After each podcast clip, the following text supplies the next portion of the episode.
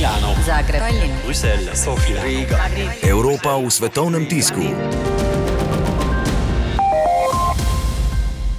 Francoski Le Monde piše, da je kar 68 odstotkov francozov starih med 18 in 25 let nezainteresiranih za evropske volitve, predvidene za 23 in 26 maj. Kar 64 odstotkov jih meni, da Evropski uniji najbolj ustreza pojem kompleksnost. Mladim, ki evropski program Erasmus, prost pretok in skupno denarno valuto koristijo praktično od rojstva, te ne predstavljajo posebne prednosti, ugotavlja časnik.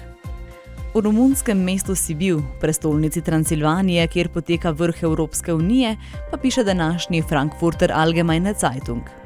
Gre za multikulturno mesto, v katerem so različne etnične skupine stoletja mirno živele v sožitju in je po pisanju časnika precej uspešno tudi v sodobnem smislu.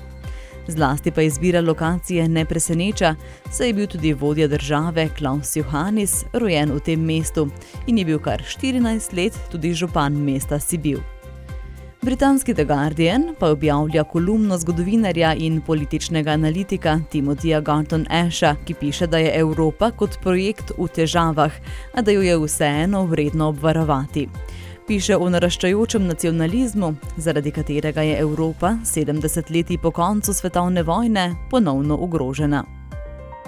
V navalu turistov v večja nizozemska mesta pa se je danes razpisal ameriški The New York Times.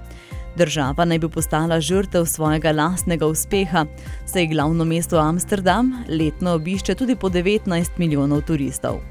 Tako je država sedaj spremenila svojo turistično agendo in po novem turistov več ne vabijo v prestolnico, temveč v manj raziskane dele države. Milano, Zagreb, Bruselj, Sofija, Riga. Evropa v svetovnem tisku.